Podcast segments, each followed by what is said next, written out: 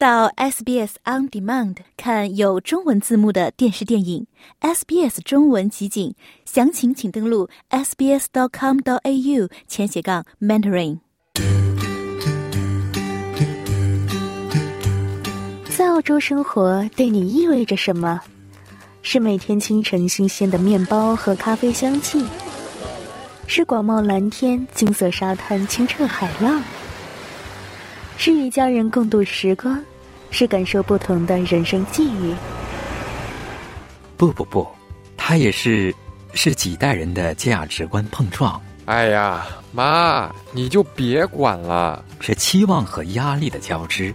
别玩了，回去给考个 C 不不客气。是跨文化的交流与误解。他说那话啥意思？是不是针对我？澳洲生活千丝百味，等你来谈。SBS 全新热线节目《生活相对论》，每周一早上八点二十分播出。生活相对，有趣绝对。听众朋友您好，欢迎您继续收听 SBS 广播中文普通话节目，每周一和您相遇的生活相对论热线节目，我是刘俊杰。那么长时连线，我们的看我们的同事墨尔本的雨夜有没有上线？那么今天我们聊的话题呢是吃饺子、贴春联挂灯笼、看春晚、走亲访友、参与庆祝活动。这个农历龙年新年哈，身在澳洲的您打卡了农历新年的哪些仪式感呢？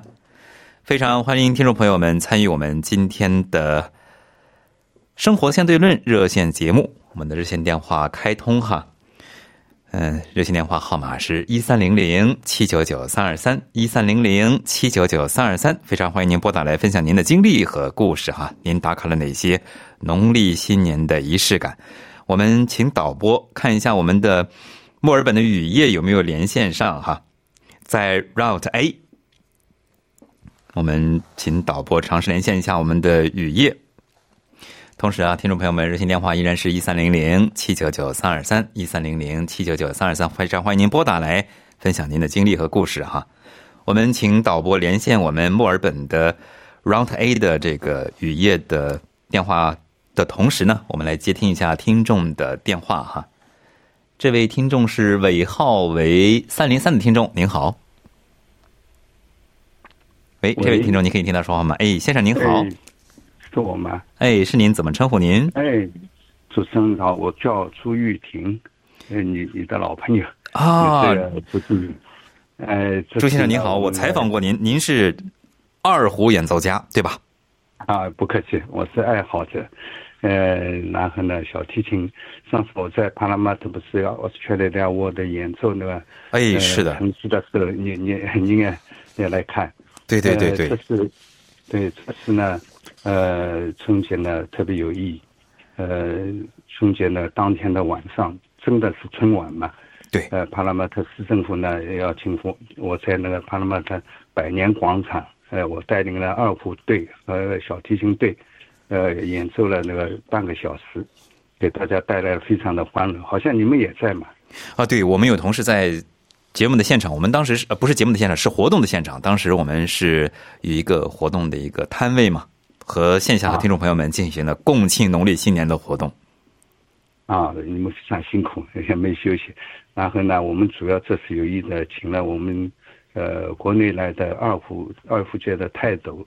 呃，我们的前子和教授，他原来是南艺的，呃，二胡系的主任，呃，然后他也非常平易近人，呃，给我们这些小白啊，呃，因为我带领了二十几个都是那个零基础的嘛，呃，主要是普及那个中国文化二胡和那个呃普及那个那个西洋文化小提琴，所以说我们成立一个二胡队和小提琴队，呃，给大家要带来了呃欢乐。去年，去年是在新落村的那个帕拉马特图书馆，嗯，呃，我们也表演了那个一个小时。今年因为参加的人非常多，在这个广场上演出，人也非常多，气氛非常好，所以说呢，我们也觉得很开心，觉得这一天过得非常有意义。呃，哎，确实有意义。这个，嗯，是给很多的当地民众，包括我们华人在内哈，增加了这个农历新年的仪式感的机会啊，参与哈。是是是，所以说呢，刚刚呃，甚至于有有一位老年大学的副校长，呃，杨校长，他只学了一个月二胡就上台表演了，哇，了不得！这个这个村民非常努力。所以说我们那个讲呃钱教授说，哎呀，那个做华人呢，要么不干事儿，干事的话他每天呃这么大年纪啊，呃也练练了那个一呃一两个小时。还有一位韩老。韩老弓着个背，驼着个腰，对吧？他不仅自己买了一把二胡，还动员他，呃，我叫嫂子嘛，呃，快八十岁，在两个月也上台了，两个人都上台，他们非常开心，就是呃有呃有一张比较珍贵的那录像呢，给自己呃带来欢乐，也给那个小辈啊呃带来莫大的那一种荣誉和那个榜样。啊，确实是。呃，非常非常开心，呃，所以呃，也也给你们汇报一下，给大家分享一下。非常感谢这个朱先生、朱叔叔打入电话，分享您这个农历新年参与的活动啊。呃，就是特别想请问您一下哈，除了您这个二胡哈，这个小提琴表演之外，增加了农历新年的活动跟气氛，让更多人参与到这个农历新年的仪式感跟这个气氛当中之外哈，您在家里面自己还有没有保持哪些农历新年的仪式感？今年有打卡哪些呢？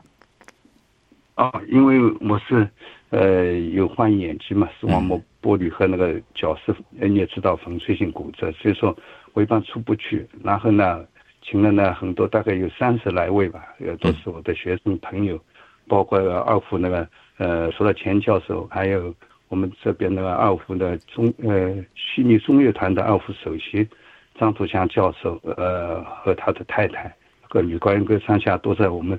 呃，农历新年嘛，都在家里，因为我那个女儿家比较大，所以说呢，来了三十多号人，开的学校，呃，来最差了，这么多人，呃，是 holiday 嘛？为什么呢？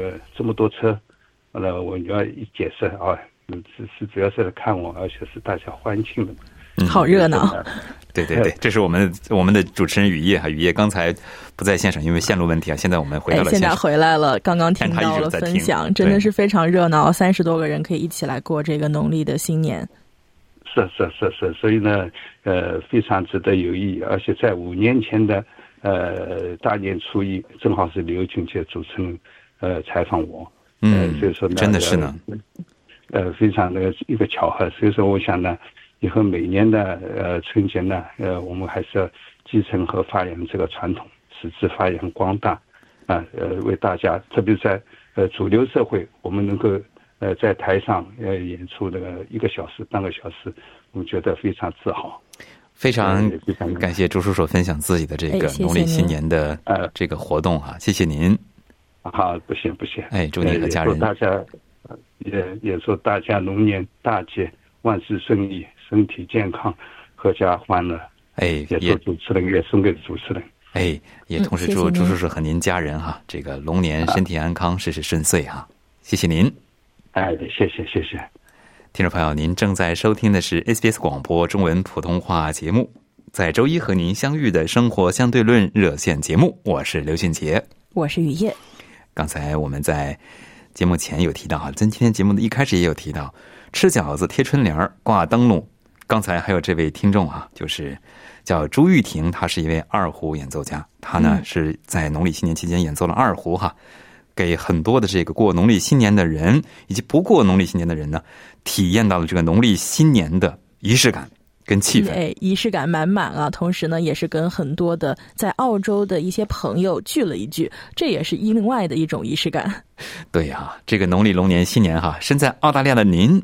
打卡了哪些农历新年的仪式感呢？非常欢迎您继续拨打热线电话一三零零七九九三二三一三零零七九九三二三，来分享您打卡的农历新年仪式感哈。雨夜哈，这个刚才你虽然这个没有在线上，但是你也听了这个节目，哎，听到了，只是不能让大家听到我的声音。马上就让你让大家听听你的这个农历新年的仪式感。你今年有打卡吗？八卦一下。哎，其实这个周末我是去 Boxhill 打卡了，虽然是因为工作的原因，但是去到了 Boxhill，就是墨尔本博士山的新春嘉年华，嗯，那边的可以说年味儿很重，看到了好多好多的舞龙舞狮的表演啊，同时一些来自于中国呀和这边本地的一些特色的小吃啊，同时还有一些社区服务的摊位，当然也不能忘记了，还有我们 SBS 的摊位，为大家来提供这个免费的拍。照，同时呢，也给大家送出了非常多的精美的小礼品，特别是我们这个 SBS 的电子小灯笼啊，是非常的受到欢迎。哎呀，这个我是感受到了，这个有幸去了一趟这个珀斯的社区哈，和当地的民众一起庆祝了农历新年现场的活动的现场呢，一直持续到他，因为那个是持续到晚上，不知道这个博士山这个持续到几点？其这边呢是持续到午夜，所以说，哎呀，那如果你要是在晚上看到的话，确实那个灯笼到处都是，对吧？没错，它是从上午十一点呢，一直是到午夜的，就是午夜十二点吧。然后在晚上九点的时候还有这个烟花的表演，这也是这个呃这边博士山庆祝活动第一次有烟花表演。所以不知道听众朋友们有没有去看到这个烟花表演呢？也是跟我们来分享一下这个体验怎么样？哎呀，墨尔本的朋友有福哈。那俊杰，你有没有打卡一些什么样的新年仪式感呢？其中有一刻我知道是肯定没打卡的，待会儿如果有时间和大家一分一起分享，那就是没有贴春联儿。那我这个其实也是没有打卡到，对，剪纸也没打卡。你那个嘉宾思睿他那个有剪纸嘛，对吧？对，这个其实我也没有打卡到，但是我还是挺想跟思睿来学一学这个剪纸的功夫的。听众朋友，热线电话依然是一三零零七九九三二三一三零零七九九三二三，非常欢迎您拨打哈，继续分享您打卡的农历新年仪式感。接下来接听的这位听众是吴女士，吴女士您好。哎，你好，主持人好。哎，您好，我是我是一名钢琴老师，就是刚才那个朱教授也是我的好朋友。哎呀，荣幸荣幸，这个你们一起为这个社区提供了不少表演吧？呃呃，还好了，因为那个他刚刚提到的钱教授，其实就是我们南京艺术学院的老师，也是我以前的那个。学校，因为我是钢琴嘛，他是二胡的老师，所以从小就认识他，然后也介绍他跟那个朱教授认识，因为朱教授是我们这里悉尼二胡协会的会长。嗯。啊，然后钱教授呢是他女儿，嗯，拉一部分二胡？他女儿在这边移民，然后呢，就是钱教授是亲属移民过来的，所以我就介绍他们认识，这样他们也能成为好朋友，经常有一些交流的活动。嗯，然后您。您这个平时有没有？我看过这个，啊，当然那是一家人啊。朗朗应该是和他的爸爸吧，他爸爸是拉二胡，拉二胡他是弹钢琴一起合作过。您有没有跟老师们合作过？哦，我是在圣诞节的时候，嗯，就去年十二月跟朱教授一起，我们合作过，就是他用小提琴来拉赛马，然后用二胡呢演奏那个 Amazing Grace，也是非常的有意思。嗯。啊，您您呢？您在钢琴旁边伴奏是吧？跟着。对对对，我给他伴奏，就我们一个在一个威勒比一个琴行的小小的音乐会上面，有过一些表演。哎呀，这个如果有机会的话，这个我们也听一听你们合奏的内容哈。嗯，很想听一听。好啊，好啊。如果有机会再有这样的活动的话，一定要这个和我们听众朋友们以及和我们一起分享哈。没错。好的，好的，一定。然后今年的就是过年呢，我是在大年初二。在我们悉尼的瓦塔拉的一个 community 的教会，就是社区的教会呢，参加了华人的一个联欢会的活动，然后给他们表演了一个《梁祝》吧，就是我们中国的曲子，然后还表演了一个李斯特的《爱之梦》，这个也是世界名曲了。对。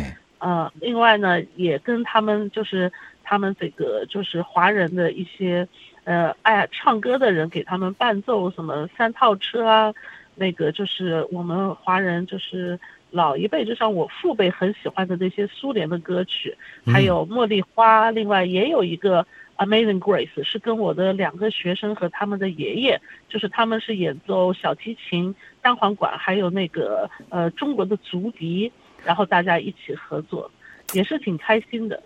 哎呀，在节庆活动期间，音乐真的是灵魂之一哈，这个少了音乐，感觉少了很多东西，很有仪式感。是是是，所以跟他们一起玩也很开心。然后当天的那些华人的叔叔阿姨啊，都做了很多的饺子啊、面条啊，就是非常丰盛的午餐，还有蛋糕啊，然后各种各样吃的东西。哎，这个看来这个光不光是吃饺子啊，这个打卡的这个吃的里面有很多都打完打完卡的。没错没错。您自己在家里面有哪些打卡的农历新年的仪式感啊？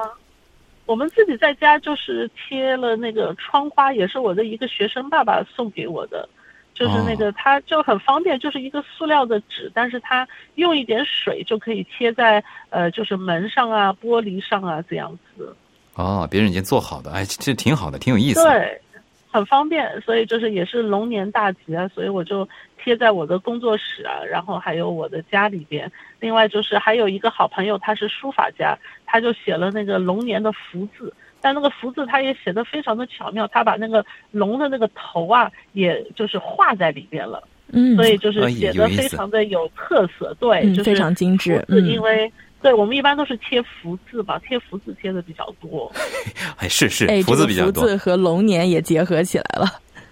对对对，所以这个还是很有特色的。另外，我也给学生正好有好朋友送的那个立誓糖，就给他们发这个立誓糖，也是讨个喜庆。哎，对对对，这个农历新年一直会庆祝到这个元宵节嘛，才算农历新年庆祝的活动周期算是才结束哈。就是说，您这个农历新年剩下的这个期间，还有谁要参与哪些活动吗？呃，我们要参加我们南京同乡会的一个活动，是这个星期五在 Chasew 的唐宴，他们跟南京商会一起搞了一个，就是我们南京的一个联欢会，然后也有很多的表演，就是我们南京的越剧表演艺术家秦祖女士也会表演，还有很多其他的呃歌唱家，还有一些小孩的节目啊什么的，也是很丰富。另外还有很多的抽奖，因为就是很多老乡啊都是赞助了很多的产品啊，还有。对，也是很热闹的，就是。哎呀，真的是太有意思了，很仪式感，仪式感满满啊。尤其是一个呃同乡会，类似于同乡会聚会的话，就是也有自己的乡音啊，很有这种家的感觉。是是是。对，所以也是很开心，很期待去参与，就是我们南京同乡会的活动。非常感谢吴女士分享您的这个农历新年打卡的仪式感，以及向社区提供的一些呃活动中的仪式感以及气氛啊，谢谢您。嗯，谢谢。好，谢谢您，谢谢。谢谢朱女，谢谢吴女士，祝您和家人哈，农历这个龙年龙马精神，身体健康，事事顺遂哈。好，谢谢你们，也同样新年快乐，谢谢。嗯，新年快乐。听众朋友，您正在收听的是《生活相对论》热线节目哈。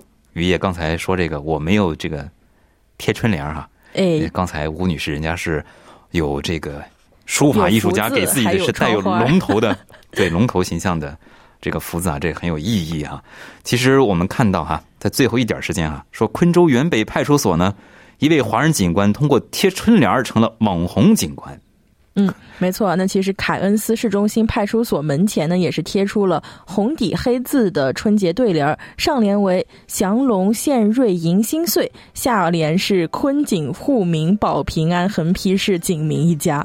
最后，我们以这个 春联哈。作为我们本期的生活相对论热线节目的结尾，我是刘俊杰，我是雨夜，感谢您在清晨的陪伴。如果您有打了哪些农历新年仪式感的卡的话呢，非常欢迎您在我们的社交媒体上发表您的经历。同时呢，非常欢迎您继续关注我们的节目，了解澳洲，融入澳洲，欢迎登录 sbs 点 com 点 au 前斜杠 language 前斜杠 mandarin，获取更多澳大利亚新闻和资讯。